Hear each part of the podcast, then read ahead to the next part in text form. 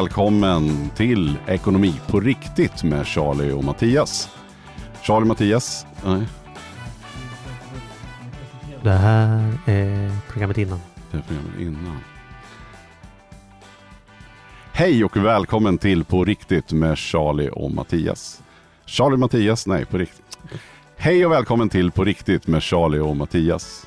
Vi är en ekonomipodd som grottar ner oss i allt som rör ekonomi. Och vi har också en samarbetspartner som heter Hemverket. Mm, hemverket. Vad är grejen med Hemverket? Men Hemverkets grej är att de då dels inte tar ut en procentprovision utan de har ett fast lågt arvode och att man visar objektet själv. Just Det är det. egentligen den enda skillnaden. Säljaren träffar köparen redan på visningen Mm. och kan berätta var dagis ligger och Mm. hur man har renoverat grejerna. Och huruvida det här funkar eller inte, det är ju någonting som vi håller på att granska nu. Så gå in på hemverket.se och titta. Följ vår granskning. Mm. Mycket spännande saker som pågår där. Hemverket.se. Ja. Hur är det läget med Mattias Andersson en dag som denna? Ja, Men det är, ja, men det, jag säger alltid att det är fint. Det, så, jo, men det är bra, förutom att jag har en jädra, fått en handledsskada med min tennis. Jag spelar nog lite för mycket tennis. Tre vet du, i vi tjatar om tre gånger i veckan. Och det höll man inte riktigt för. Ja, men det är lite irriterande. Så jag har fått någonting. Så jag har varit och röntgat mig och det var inget Nej, fel på. det här har på- inte jag hört om alls. Nej. Nu får jag.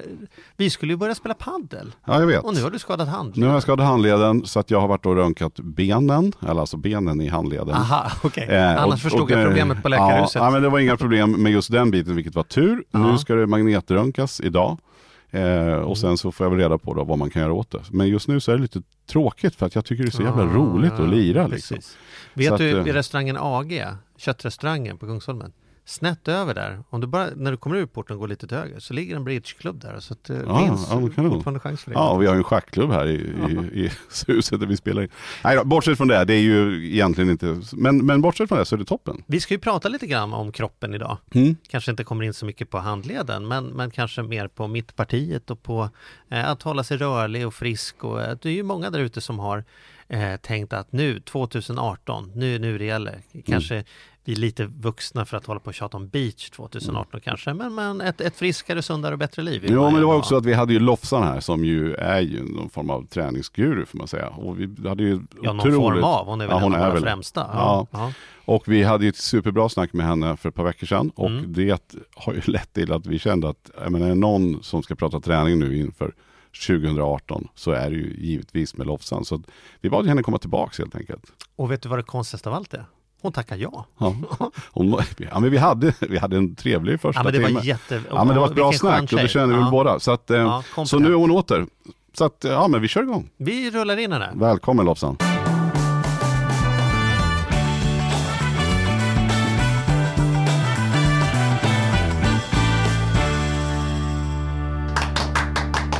Eller Lovisa som vi har lärt oss att säga nu Ja. så här, när vi ses nu för Ja, tiden. ja precis, vi har hängt. men vad, vad kul och roligt att du ville komma tillbaka till oss. Jätteroligt. Hur är läget? Jo men det är bra. Det är mycket att göra nu i januari. Ja. Är, är det, det är full, det är, märker ni också att det är så här crazy bananas? Ja, men det, det, det gör vi. Fast vi har gjort en helt annan affärsmodell. Så att apropå det här med årskort. Vi säljer ju inga årskort på det sättet. Och jag har inga problem med att finnas här tillgänglig när folk behöver. Eh, jag, jag tänker alltid hemskt när människor som säger så här.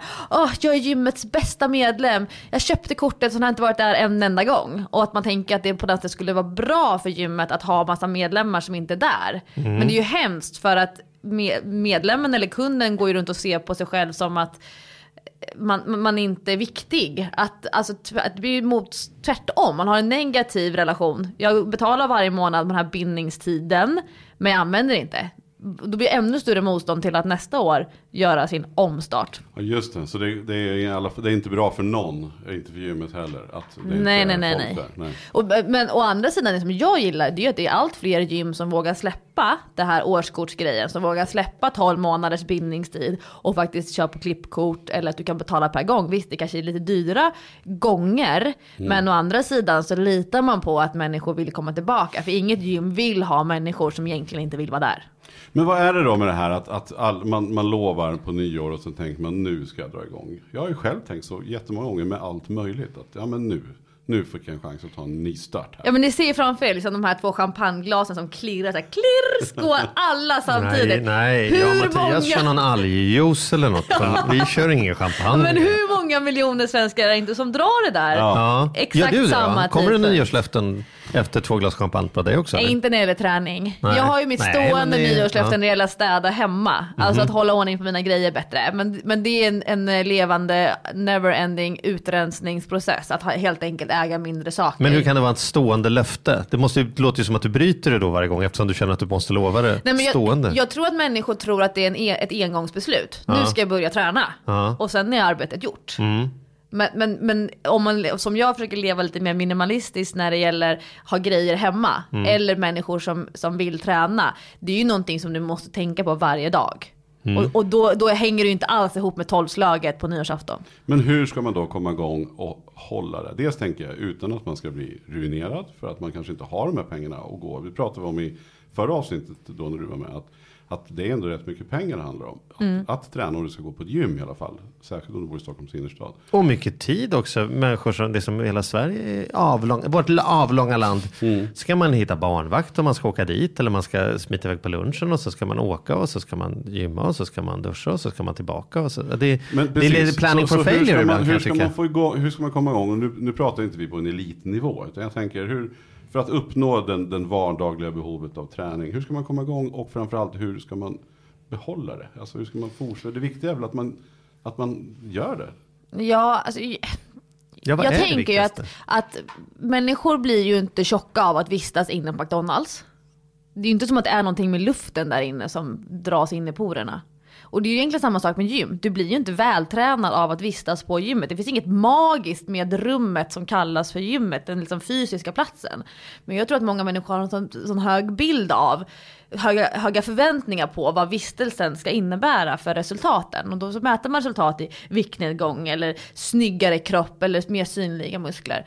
Och jag tänker väl att man börjar i fel ända om man först köper kortet och ska börja träna jämfört med att okej, kan jag börja med rutinen, alltså om jag börjar med att röra på mig tre gånger i veckan, tre veckor på raken, nio tillfällen har jag rört på mig, då kan jag få gå och köpa ett gymkort. Eller träningskort. För att om du tror att allt löser sig bara jag är på gymmet, då har du, då har du liksom börjat i fel ände. Så om, om du nio gånger kan träna hemma i vardagsrummet och sen gå och köpa kortet, då tror jag, där tror jag mycket mer av, av lösningen när det är nedförsbacken. Så att, att rutinen är viktigare än vistelsen.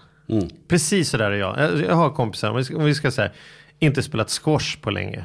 Flera år, tio år av inte squash. Jag ska börja spela squash. Då har jag kompisar som, som kittar upp sig. Då är det nyaste racket och nyaste skorna. Och liksom, för, nu, för, liksom, för, för nu jädrar ska det hända. det nu det händer. och jag är nästan så här penalistisk åt andra hållet. Att jag går i så här trasiga, för små skor och jag lånar ett racket som är, är skitdåligt för sig. Jag, jag, måste liksom, jag måste förtjäna det på något sätt. Jag vet inte om jag är onödigt hård mot mig själv. Men det är som så här, jag behöver göra, jag, jag, jag köpte mina nya joggingskor. Då hade jag behövt springa 20 mil först. I, i några liksom bara så här, du vet, gympadojor som jag har haft i trädgården. Innan jag tyckte så här, nu har jag bevisat för mig själv att det här är något jag sysslar med. Nog för att få köpa ett par skor. Eh, och det är ju inte pengarna det handlar om. Det är bara någon sån här men det är likadant. Penalistisk nej, men jag vet, och likadant, nej, men att jag, inte, nej, jag, tror, jag är rädd för att ta i med den där storsläggan. Och sen så kan jag inte leva upp till det. Jag vill inte att det ska stå den senaste liksom, kolfiberracket där i hallen och, och, och bara visa att ja, du var där två gånger men nu är du borta. Så jag har också någon sån rädsla för... Blänger på dig. Jag äter nästan bara vegetarisk mat eh, nu, eh, eller i alla fall otroligt mycket mer vegetarisk mat än tidigare. Men jag, jag, jag vill inte kalla mig vegetarian eller flexitarian eller sånt där. Utan jag bara säger så här, "Nej, om det inte är något på menyn som verkligen ropar till mig, då tar jag alltid det vegetariska. Men det är också samma sak, istället för att bara säga så här, nej men från och nu är jag vegetarian. Så jag är rädd för, det är något som jag har fått med mig, att man inte tar i, inte tar i för, med storsläggan liksom. Det- Ha det det är rice, det det teori, fall. det tycker du också då? då? Alltså att Charlie är rätt ute på det sättet. Eller? Ja men just det här med att, att prata om sig själv. Jag är en sån som. Alltså hur hårt måste man gå innan man kan omdefiniera sig själv? Omdefiniera synen på sig själv. Jag är en sån som spelar squash. Mm. Jag är en sån som går på gym.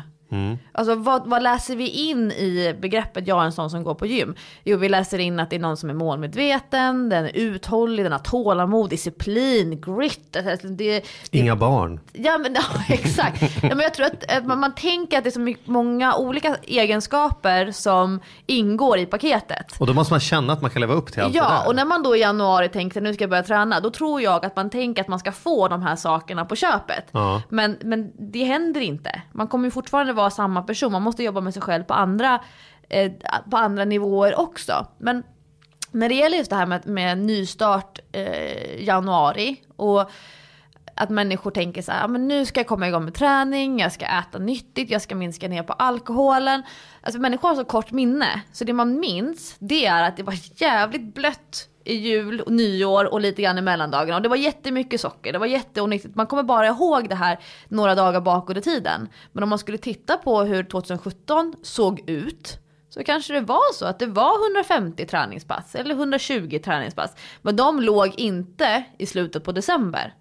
Men, men man tänker då att istället för att neutralisera, normalisera nivån så ska man gå så högt på alla parametrar. Man ska träna fyra eller fem gånger vecka ett eller Nu två. jävlar. Eller, ja, man ska äta sockerfritt. Man ska ha hundra dagar utan alkohol. Man ska sova åtta timmar per natt. Och man har till och med laddat ner en app som ska logga sömnen så man kan titta på morgonen. Hur har jag sovit? Mm. Som berättar så här djupsömn. Alltså man, istället för att man Excel-grafer på det? Ja men det, det är verkligen så att man går all in. Med, men men istället för att det? normalisera. Ja, men, Nej. och låt säga att du har ätit askast i tre veckor.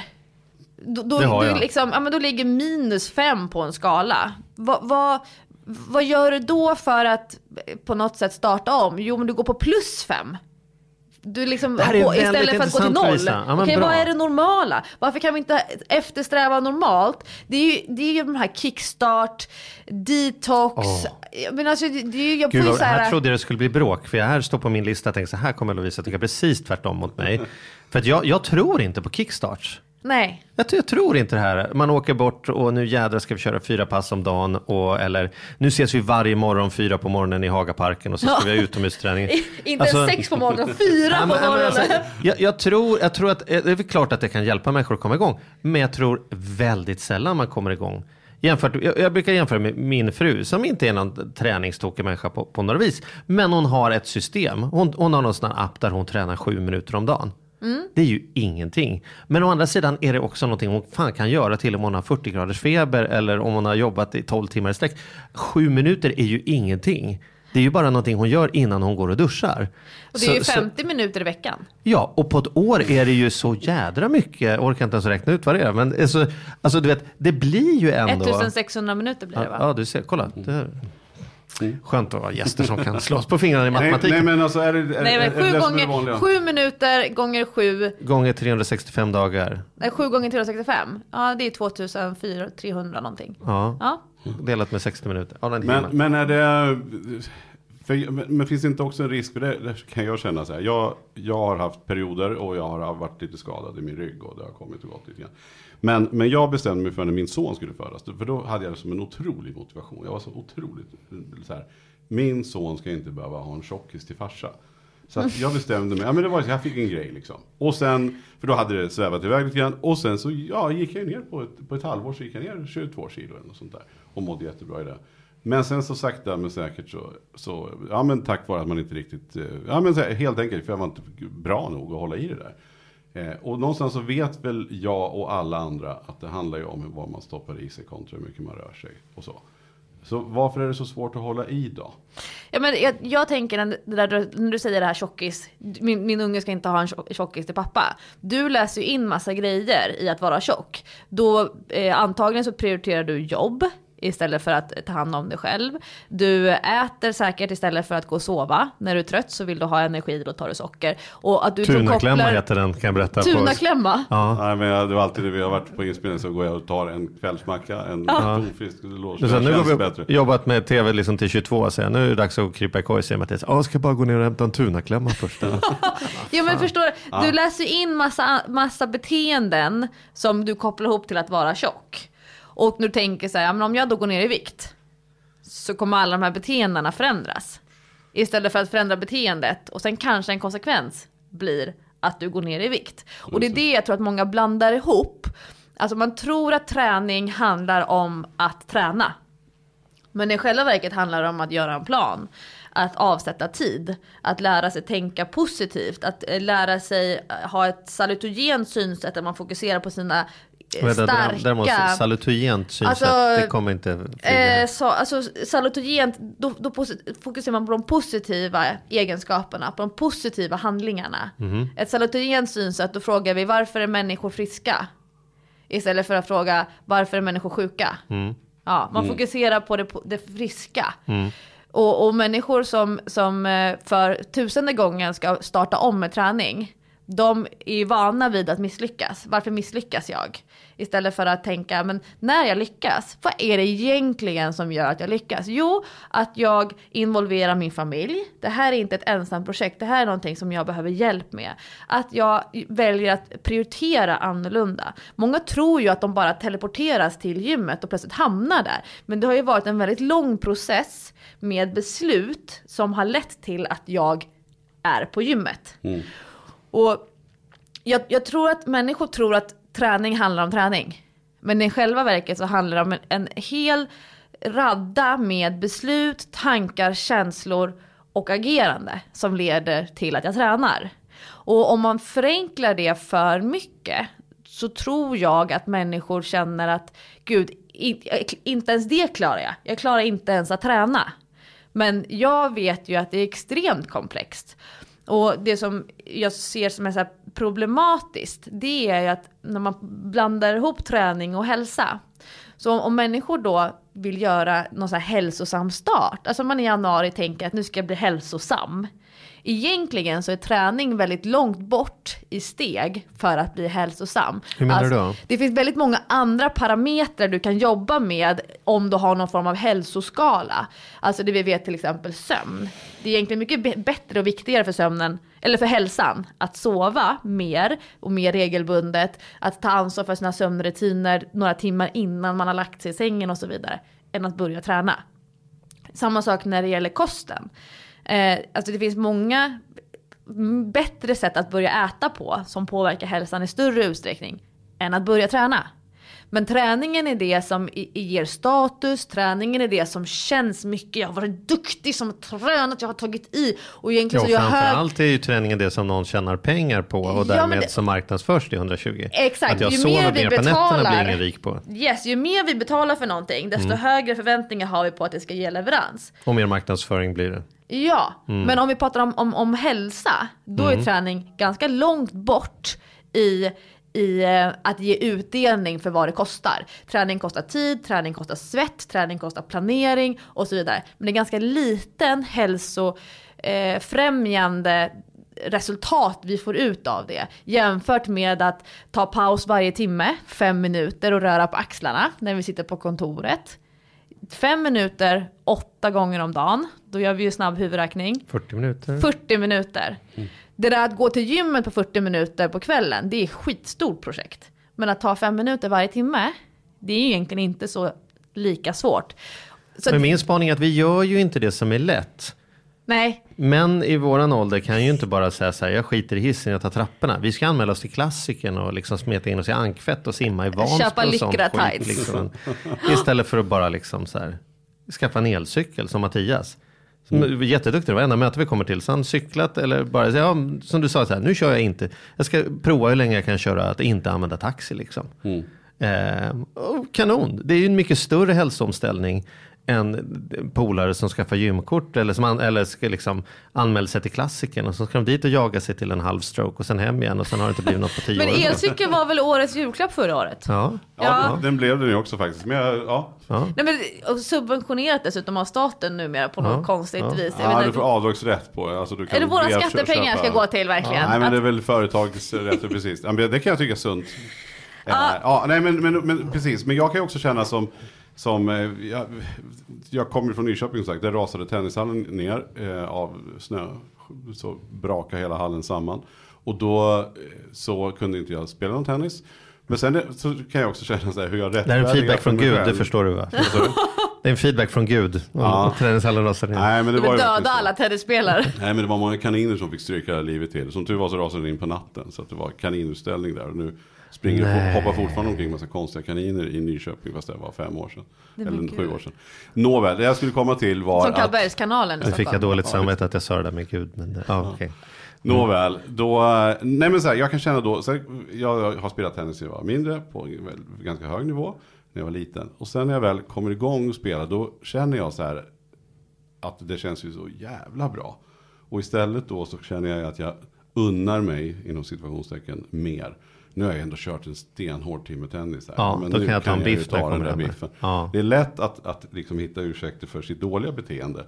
Så att fast jag började spela tennis flera gånger i veckan så gjorde det nog ingen, ja det är klart att det gjorde hälsoeffekter för att jag fick komma igång och svettas och andas och allt det där. Men, men bortsett från det så är det ju, be- betyder inte att man blir smalare. Alltså, det är samma sak man ser på gymmen tycker jag. Jag pratade med någon för inte så länge sedan som, som är gymägare som, som stod som säljer ju sådana här gubbar som kommer dit och sen så tränar de inte så hårt.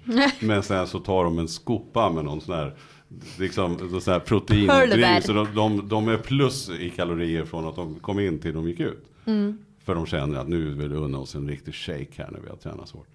Det, alltså det, då blir det ju fel liksom. Det finns två, man ser två tydliga samband eh, när man tittar på människors beteende kopplat till träning. Eh, dels är det så att när, ju mer man tränar, ju hårdare man tränar, desto hungrigare blir man ofta. Vilket innebär att om man samtidigt har bestämt sig för att man ska minska ner på kosten och ska börja träna eller öka på träningsmängden, då går man runt och är ganska hungrig. Samtidigt som man har ett starkt sug efter att vilja äta mer för att man har tränat hårt. Eh, och det är ju ganska jobbigt att gå runt i vardagen. Det är därför man säger att det inte är så hållbart att både börja träna och äta mindre samtidigt. Egentligen är det mycket bättre att först börja äta mindre och sen börja träna, eller tvärtom. Jag, jag tar tvärtom. Ja, du tar tvärtom. Men sen så finns det ett annat samband när man ser att människor rättfärdigar beteenden för att man har tränat. Alltså nu har jag varit duktig och tränat, nu kan jag unna mig. Och det kan ju till och med gå så hårt att man unnar sig både innan passet för att man ska träna, man ska vara duktig och träna och sen efteråt, nu har jag tränat vad duktig jag har varit. Och sen, så i slutändan har man då ätit mer den dagen än vad man hade gjort om man inte hade tränat. Eh, men det är också så att vi man ser ett samband mellan människors tränings, eh, alltså hur, hur träningsminuter, alltså hur, de minuter man har i rörelse kopplat till ens fysiska aktivitet överlag. För vi har ju ändå den mesta fysiska aktiviteten som vi bör göra är inte klassat som träning. Utan det man säger vardagsmotion, non-exercise. Alltså all den typen av rörelser vi gör som vi inte behöver vara ombytta för. Gå i trapporna hemma och gå och handla mat och promenera och ta cykeln. Och Exakt, och det här är ju problematiskt när, när samhället har gjort en väldigt stor ansträngning i, i att bygga infrastruktur. Vi är väldigt stolta över vår infrastruktur. Det är lätt att ta sig utan att behöva gå. Eh, man behöver inte gå och handla mat på, på affären längre utan man kan klicka hem allting på nätet så att man kan ha tid till att gå och träna. Om man bor i en storstad. Om man så.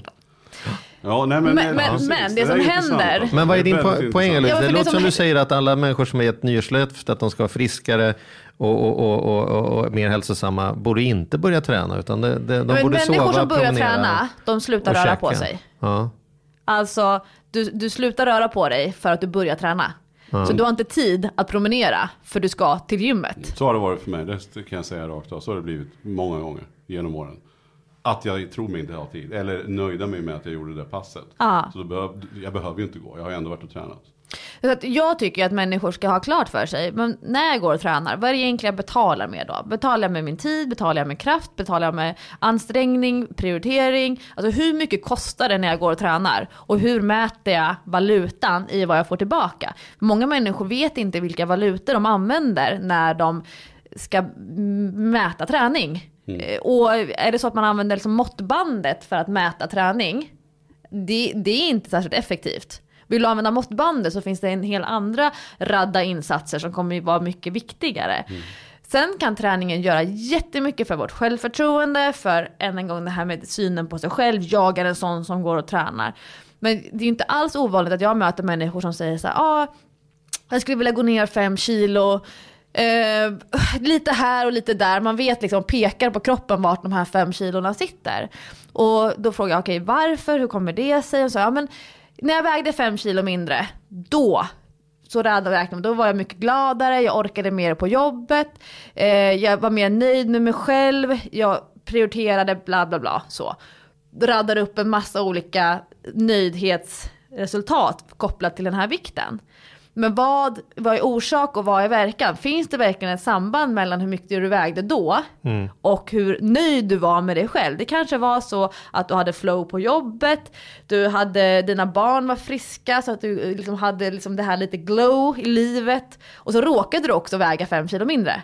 Men många tror att går jag ner fem kilo då orkar jag mer på jobbet och känner jag mig gladare. Mm. Ja och, och det här är så här högutbildade människor som är så smarta. Men det, på något sätt blir det lite så här neandertalar eh, ja, men jag tankar. Träffar många, många, jag träffar många tjocka människor som jag tror hittar på att de, de, kan, de har liksom ingen rätt att få känna sig nöjda eller stolta eller glada. Eller liksom, Hur menar inte, du tjocka? Så att... Nej, men så här, människor som så här, de tycker att de väger mer än de borde. Ja. Eh, de har ett för högt BMI i relation till de skadade. Va? Och då kan man ju inte gå omkring och säga att det är bra, utan man måste ju liksom ändå framhålla det. Ja, och sen väg, alltså så här, min fru till exempel, eh, mm. varje gång hon klär av sig så busvisslar jag. Och varje gång jag busvisslar, då drar hon in magen. Det är som att det spontana som finns där för henne, det är att, att trots att jag liksom ger hennes kropp kärlek i det ögonblicket, är att hon försöker ändra på den. För att det är liksom så inne i henne att hennes kropp är nog inte bra. Liksom. Och det där tycker jag känner igen från hur många kvinnor som helst. Att det, det, det och inte kvinnor och heller. Män, utan, män också. Du och jag är ju lite tjocka Mattias. Ja. Jag säger ju lite framför för att jag har ju vi är inte Edvard Blom. Men, liksom, men, men, men vi, är ju, vi är ju tjocka. Och eller? Hur definierar man tjock då? Du sa ja, ju tjock i början. Tjock, det, det här är, är jätteintressant för det har ju verkligen, om man tittar på förra året, 2017, så har man ju börjat prata om tjock på ett annat sätt. Att man inte säger att tjock är, tjock är lika med ful och smal är lika med fin. Att man börjar liksom titta på hur används tjock som eh, beskrivning. Jag, jag kommer tänka på en sak. Precis innan jag eh, gick hit så kollade jag på eh, ett YouTube-klipp eller vad det var på, på nätet. När Therese Lindgren, vet ni vem det är? Mm. En YouTuber. En influencer. En influencer. Mm. Hon var nakenmodell på sån här krokikurs. Så att hon då dokumenterar hur hon är naken mitt i ett, ett, eh, rum på något museum och så sitter då människor och, och målar av henne helt, eh, helt näck så. Och eh, samtidigt då så hon filmar när hon dessutom ligger där eller står där helt naken. Och då pratade hon om fascinationen hon själv kände när hon insåg att människor tittar inte på min kropp på samma sätt som jag är van vid att människor tittar på min kropp. Alltså de här som tittar på min kropp, de gör det för att de ska se skuggor, de vill se linjer, de vill se proportioner. Det är inte den här värderingen i att tjock eller smal, snygg eller ful, rynkig, eh, vad heter det, celluliter och liknande. Hon sa att det var något helt nytt för henne att tänka att varför kollar människor på kroppar? Mm. Och det tycker jag är ganska så intressant för att när vi tittar på kroppar och lägger värdering i hur den ser ut och hur den duger. Så, så ser ju jag i min så profession att det finns egentligen inget samband mellan hur nöjd en person är med sig själv och vad kroppen kan leverera. Alltså jag kan ju coacha klienter som håller på med, låt säga Ironman, eller jättesnabba maratonlöpare. De är inte mer nöjda med sina kroppar än någon som, om vi mm. säger då, nu sätter jag upp krokarna här, tjock. Mm. Mm. Någon som har 20 kilo, så pratar vi övervikt jämfört med hur lång man är. Det, det behöver inte alls innebära att den som är tjock skulle vara mindre nöjd än den som kan springa maraton. Uh, och, och, jag tror att... Man för det är ju paradoxen, på... för jag är ju, jag är ju liksom, eh, eller vältränad, men alltså jag är ju om, om, vi, om vi håller på och fixar saker. Jag har ju liksom två, två svågrar som är ganska gym, gymkroppar. Liksom så här. Och hur är en gymkropp? Ja men alltså det, det är bredare med över axlarna och det är rutigare mage och det är liksom biceps och grejer. Så här, va? Eh, och, ja, de har väl någon sån här linje här mellan tuttarna som jag definitivt inte Fängelseklyfta. Min, ja precis. Ja, ja. Här kan vi begreppen. Min poäng är, de kan inte tillnärmelsevis lyfta det jag kan lyfta när det är dags att bygga hemma. Eller liksom, de säger den här tunnan sitter fast i marken, så vad är problemet? Så lyfter bort den. Eller när vi ska så, klyva en planka, alltså klyva en planka på längden. Liksom. De ger ju upp efter tredjedel av den sträckan som jag utan problem sågar igenom. Så att, men liksom, så att vara stark är inte så här, samma sak som den här bilden vi har av hur det ska se ut. Med Schenkenberg. Vart vill du komma? Nej, men jag vill bara komma så här att det kan, är det skillnad på att vara vältränad, hälsosam och, och, och tjock? Alltså så här, kan man vara tjock och vältränad? Kan man vara hälsosam? Kan man vara smal och otränad? Jag har en kompis Erik som är, han väger typ 50. Han är 1,90 lång, han väger 50 och det har han alltid gjort. Han kan inte lägga på sig. Men den killen har ju aldrig joggat. Eller tagit en sallad eller något. För att han har liksom inte i sin bild på något sätt att, att han skulle vara någon som helst liksom, behov mm, av att träna. Vad, vad, säger du? Vad säger experten? Ja men jag, jag började så bläddra bakåt och tänker det var ju en eh, stark trend nu i slutet på 2017 när man pratade mycket om träning på arbetstid. Eh, Björn Borg gick ju ut stort med att man sa att de stänger kontoret några gånger i veckan. Alla ska gå iväg och träna. Och den här starka kopplingen då, Henrik Dunge som är, är vd där, han har ju varit vd på Adidas och på Sängen tror jag också. Och har varit en väldigt stark träningsförespråkare på arbetstid och på arbetsplats. Och, och gör den här starka kopplingen mellan hur väl du levererar på jobbet i relation då till hur många gånger i veckan du tränar. Men vi ser ju också en ganska så som jag tycker i, i, i Sverige 2018, som ju ändå är liksom, vi ligger väldigt långt fram. Vi är ju ett av världens bästa länder. Hur man än testar så, så kommer ju Sverige topp hela tiden, topp 10.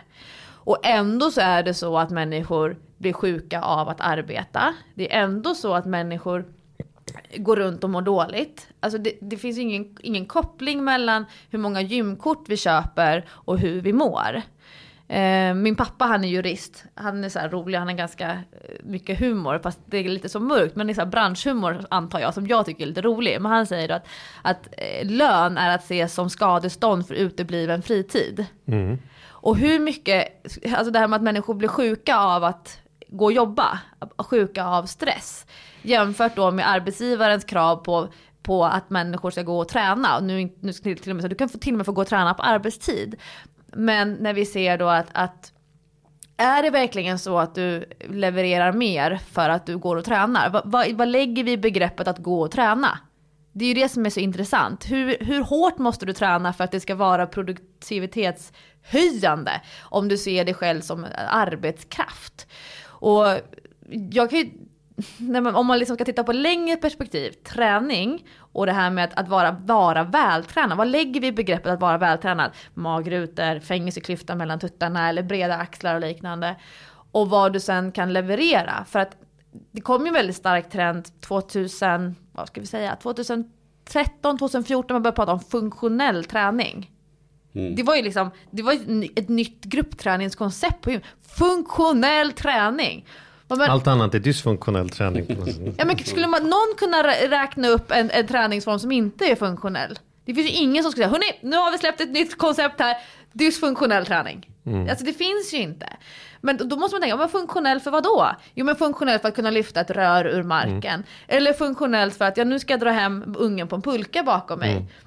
Eller jag som är väldigt så här Södermalmsbaserad. Ja men jag kan inte ta bilen och åka och handla. Det finns ingen parkering utanför min matbutik. Jag måste bära mina matkassar. Det är 700 meter kanske. Ja men alltså funktionellt att bära. Det är ändå kanske 14 kilo i vardera hand som jag ska bära hem. Alltså det, den, den övningen kallas ju för farmers walk om mm. du är mm. på gymmet och så bär mm. du kettlebells. Det är ju mm. egentligen samma sak som det vi gör i vardagen. Det. Och det här med att, att starta om i januari och lägga så mycket värde i att nu börjar jag träna och det, oh, jag ska liksom, oh, hela kroppen blir så här action i att gå och träna. Men när vi tittar på de människor som, som vi tycker är mest vältränade, om vi tittar på de här fitness-tjejerna eller bodybuilders-killarna och så vidare. De är ju rätt spaka den här tävlingsdagen när de står på scenen och är det här brunmålade och vi kan tycka att det är lite så här freakshow, gud kolla de här låren och så. Men, men när de sen ser ut som de brukar göra resten av året, då är det fluff på. De är sjukt starka i gymmet. Men det, vi skulle inte säga att det är något form av kroppsideal så som de ser ut när de inte står på scenen. Tittar vi på svenska tyngdlyftare eller svenska styrkelyftare. Vi skulle inte säga att det där är ett ideal. Men det är ändå Sveriges starkaste kvinnor och Sveriges starkaste Kolla män. kul, kulstötare till exempel. Exakt, vi lägger ju väldigt mycket begrepp i det här att musklerna ska synas. Fast jag skulle ju säga att, att musklerna, huruvida muskler syns, det har nog mer med genetik att göra än hur mycket vi äter. Och vi, när man tittar på så här, okej okay, blir man tjock av att inte röra på sig? Eller är det så att man slutar röra på sig ju tyngre man blir? Det, tjock, tjockisen har det ju svårt. Vi, vi tjockisar har det svårt för att för, vi, vi sa det så här, nu för tiden, det är inga bankchefer eller vd som är tjocka längre, utan de måste vara vältränade. Det är liksom viktigt för varumärket att visa, jag är en disciplinerad person, jag tar inte bara hand om personalen och, och finanserna. Nej, men, nej, men precis. Och vi var inte, ens, på, inte ens kockar Nej, vi sa ju så. eh, Förr har var ju kockarna hade stor mage för de åt mycket mat. Nu är ju de, de coolaste och bästa kockarna är ju otroligt Tävlar i triathlon också. Ja, ja, precis. De tävlar och de kör och de, man undrar om de Och då kan man undra så här, hur, långt ska, hur långt ska det gå? Den som ska stå och, och slunga smörsås hela dagarna, om inte ens han har kula. jag tänker att det blir Ja, nästan ett vi, vi måste klassamhälle. släppa in, ja, släppa in Lotta nu. Vi, du har lite att reflektera på. Men jag tänker på två saker. Det första som jag tänker på, apropå det här med att vara hälsosam eh, versus att vara vältränad och ha fett. Eh, det vi vet, det är ju att, att eh, för mycket fettväv är inte bra. Och det har framförallt att göra med fettvävens påverkan eller relation med hormoner. Så till exempel eh, kvinnor med väldigt mycket fettvikt, alltså fettlager på kroppen, fett eh, lagrar östrogen. Vilket innebär att har du väldigt mycket fett eller väldigt lite fett så kan du ha problem med att bli gravid. Alltså för att du får för mycket eller för lite östrogen lagrat i kroppen. Eh, vi vet också att fettvikt eh, eh, är tungt. Så vi kan se en koppling, alltså om man tittar på knän eller liknande. Men det vi ska komma ihåg, det här är min andra reflektion. Är, är, man, är man tjock idag, alltså på så sätt att man är eh, man har ett högre BMI än normalt, alltså att man är överviktig eller fetma, då, då är man ju vanligast. Alltså vi har ju fler överviktiga och feta svenskar vuxna, framförallt bland män, än vad vi har normalviktiga slash underviktiga. Vilket ju egentligen borde leda till att människor, alltså när man normaliserar, vad är en normal kropp i Sverige 2018? Hur ser en normal man ut? Vi kan nog tänka nog, alltså i större utsträckning nu att en, det som var en normal man för 40 år sedan, det är en smal man idag. Men jag tycker att det är lite sorgligt att man ena, å ena sidan i samhället eh, hjälper människor att slippa röra på sig. Alltså att vi, vi, an, samhället anstränger sig jättemycket för att människor ska slippa röra på sig. Det är en statusgrej att ha, som jag pratade om, en god infrastruktur, att det är rulltrappor, det är hissar. Vi- Liksom vi, vi, vi bygger mycket av vår samhällsstatus på att, att det är enkelt för oss. Men å andra sidan så smiskar vi och är elaka på människor som sen inte klarar av att hålla formen.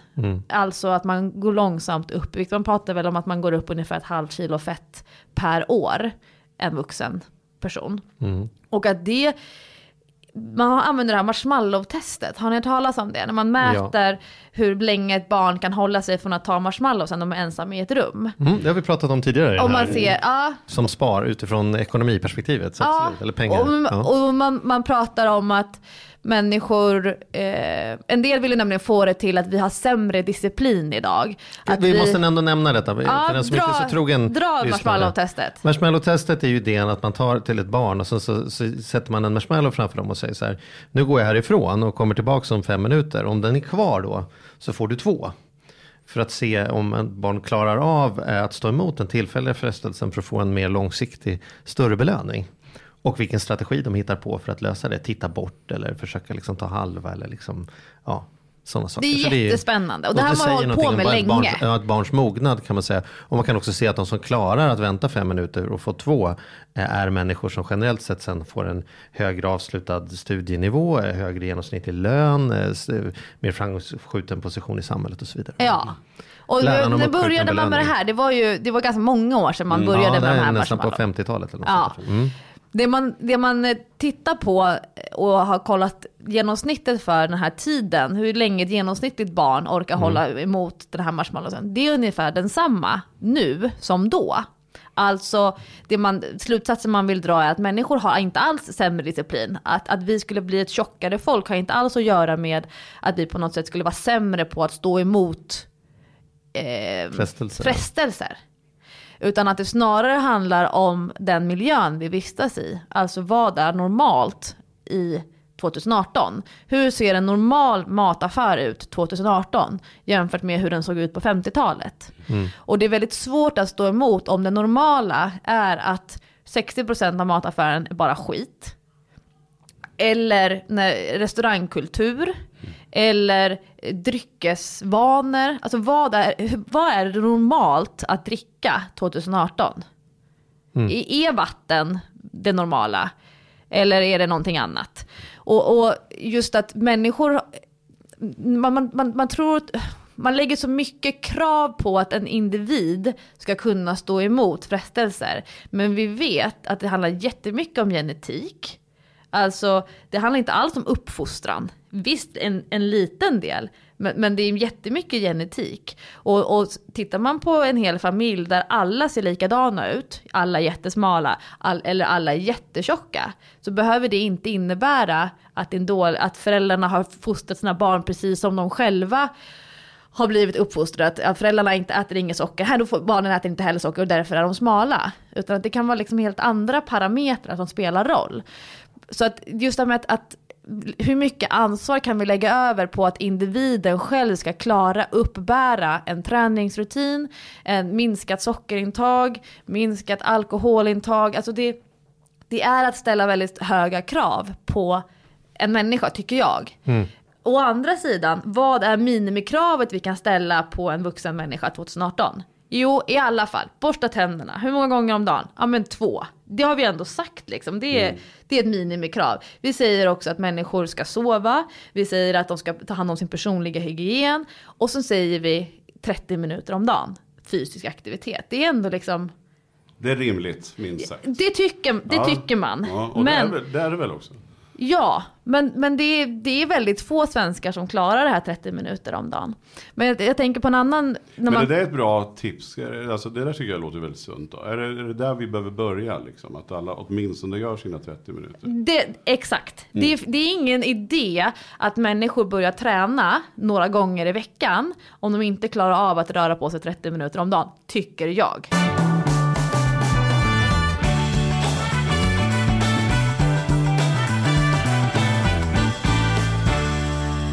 Så då hör jag så här att, att nyårslöftet borde omformas till att kliva av bussen eller tåget eller bilen.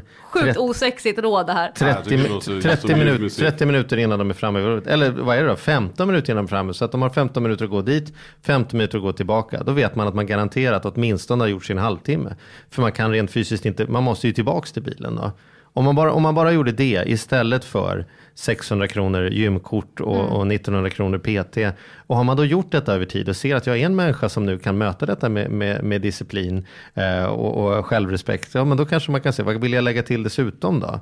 Äta lite bättre, absolut. Nu har jag gjort det ett tag. Kanske man träna. ser, om man kollar på kaloriförbrukning till exempel. Om du har 300 kalorier som du har förbrukat genom att, ett hårt svettigt träningspass. Mm. Och vi pratade om att man blev hungrigare när man har tränat. 300 kalorier som du har förbrukat genom vardagsmotion triggar inte aptiten på samma sätt. Mm. Så att om man pratar om så att man ska vara en hyfsat schysst människa även eh, psykosocialt, att man ska Mm. liksom vara en schysst medmänniska på jobbet och med familjen och så. Det är inte jätteroligt att gå runt och vara hungrig. Vi vet Nej. hur människor som är hungriga beter sig. Inte jättetrevligt. Mm. Då kan man också tänka på det lite mer långsiktigt. Men apropå det med miljön, som jag vill återkoppla till, apropå bussen, att kliva av tidigare eller liknande. När man nu på kort tid har sett två tydliga eh, förändringar. Den ena är det här med plastpåse, jag vet inte, det är någon sån här plastpåseregel eller någonting. Mm. Man måste ta betalt för plastpåsarna. Ja, just det. Då när, när det börjar kosta att ta en plastpåse när man handlar så kommer människor i större utsträckning eller minska sitt plastpåseanvändning. Det slog igenom dramatiskt. Jätte, alltså tydligt. Och samma sak har man nu sett på de här billiga bag-in-box vinerna. När det blir billigare att köpa stora förpackningar vin, vad händer då med folks vinkonsumtion? Mer vardagsdrickande. Ja, man ser en ökad, alltså det, det är ett extremt tydligt samband mellan hur lätt det är att handla och hur vi sen beter oss. Så det är det här som är problemet när man i samhället liksom bara berättar för människor, här förenkla, förenkla, förenkla, förenkla. Det är status att ha busshållplats. Hur många busshållplatser? Jo men vi ska ha busshållplatser överallt. Ja, på ena sidan, å ena sidan vet vi att människor som åker buss rör på sig mer än människor som åker bil. Alltså det är väldigt tydligt samband mellan eh, kommunalt versus egen, egen trafik. Men det är också så att, aha, kan du inte ens få till 30 minuter om dagen? Nej men jag åker ju buss till jobbet, jag har ju precis utanför dörren och så vidare. Mm. Så mm. det blir så här, allting är ju en flytande skala. Mm. Men jag vill inte att det ska vara så att träna tre gånger i veckan och att inte röra på sig någonting ska vara normen. För vi vet mm. att människor som rör på sig varje dag men som aldrig tränar har minst lika goda förutsättningar för hälsa. Jag tycker Men det är statusen ligger ju i träningen. Tänk att vi har suttit och pratat snart en timme om träning med Lovisa och vi har inte kommit in på hur man får billigare gymkort överhuvudtaget. Det, det, det, är ju jättebra. Jag är verkligen. Men är det vårat nyårslöfte nu då? 30 minuter om dagen? Ska ja. vi lova varandra? Jag bra. ligger, tyvärr måste jag säga att jag ligger redan på ja, 30 minuter. Också, men du ska, ska hänga i det också. Ja, ja, och sen vill jag slå ett slag för bara nolltolerans på läsk och energidryck ska vi inte ens prata om. Det, det, de man behöver inte ha nolltolerans, men ofta kanske man behöver minska ner Nej, lite grann. Nej, fan, läsk är meningslöst. Ja. Ja, ja, så sen var du hälsocoach här nu. Nej, men den enda läsken som ska in i den här kroppen, det är tonicen till ginen. Där går gränsen. Ja, fan vad gubbigt sagt. Ja. Fy fan, det var årets gubbkommentar. Ja, redan i januari. Se om den kommer bli slagen. Ska se om jag kan toppa fan, den under året. Ja. ja. men okej. Okay, men, Fantastiskt men inspirerande. En, ja, men en, en, kort summering då. Vad, hur, um, det är så roligt att höra dina, du är van också med lite, tre tips. Mm. För att komma, hålla, vad är sunt, hur ska vi leva? Men till att börja med tycker jag man ska fundera på varför man vill göra en förändring. Vad är det som driver mig? Är det att jag ska gå ner i vikt? Vad behöver jag då göra för viktnedgången? Det kanske inte är att gå och köpa ett gymkort. Är det att eh, jag behöver mera utomhusmiljö? Ja men då behövs det verkligen inte ett gymkort. Så det, varför vill jag göra en förändring? Det, det är liksom första nyckeln. Och du får inte börja med någonting om du inte har klarat att förklara varför. Mm, bra. Det är som en sån här förhör när man riktar lampan mm. emot. Liksom. Ja men det är bra. Tell me why. Mm. Eh, nummer två, att först etablera rutinen, vanan, innan du måste gå och konsumera någonting. Mm. Alltså måste gå och köpa någonting. Och nummer tre, den förändring som man vill göra tycker jag ska vara så enkel att du varken behöver googla eller köpa någonting. Så du ska i princip kunna börja med det idag för att det ska vara hållbart. Och människor vill ju gärna konsumera eller googla sig igenom processen. Men då börjar man göra saker och ting svårt för sig. Så det är nummer tre. Fantastiskt. Fantastiskt bra råd. Härligt. Du, vill man veta mer om eller ta mer stöd från dig, då, då lyssnar man när du poddar. Man lyssnar på Träningspodden, Träningspodden. och sen läser man på lofsangruppen.se ja. eller laddar ner min app Majs om man vill träna i januari.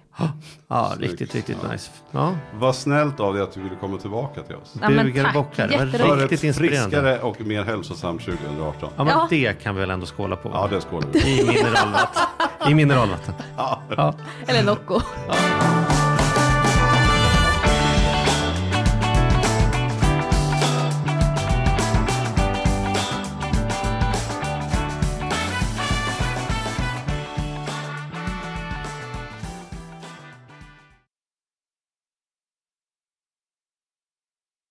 Ja. poddtips från Podplay. I podden Något Kaiko garanterar östgötarna Brutti och jag, Davva, dig en stor dos skratt. Där följer jag pladask för köttätandet igen. Man är lite som en jävla vampyr. Man har fått lite blodsmak och då måste man ha mer. Udda spaningar, fängslande anekdoter och en och annan arg rant. Jag måste ha mitt kaffe på morgonen för annars är jag ingen trevlig människa. Då är du ingen trevlig människa, punkt. Något Kaiko, hör du på Podplay. Därför är gardinerna.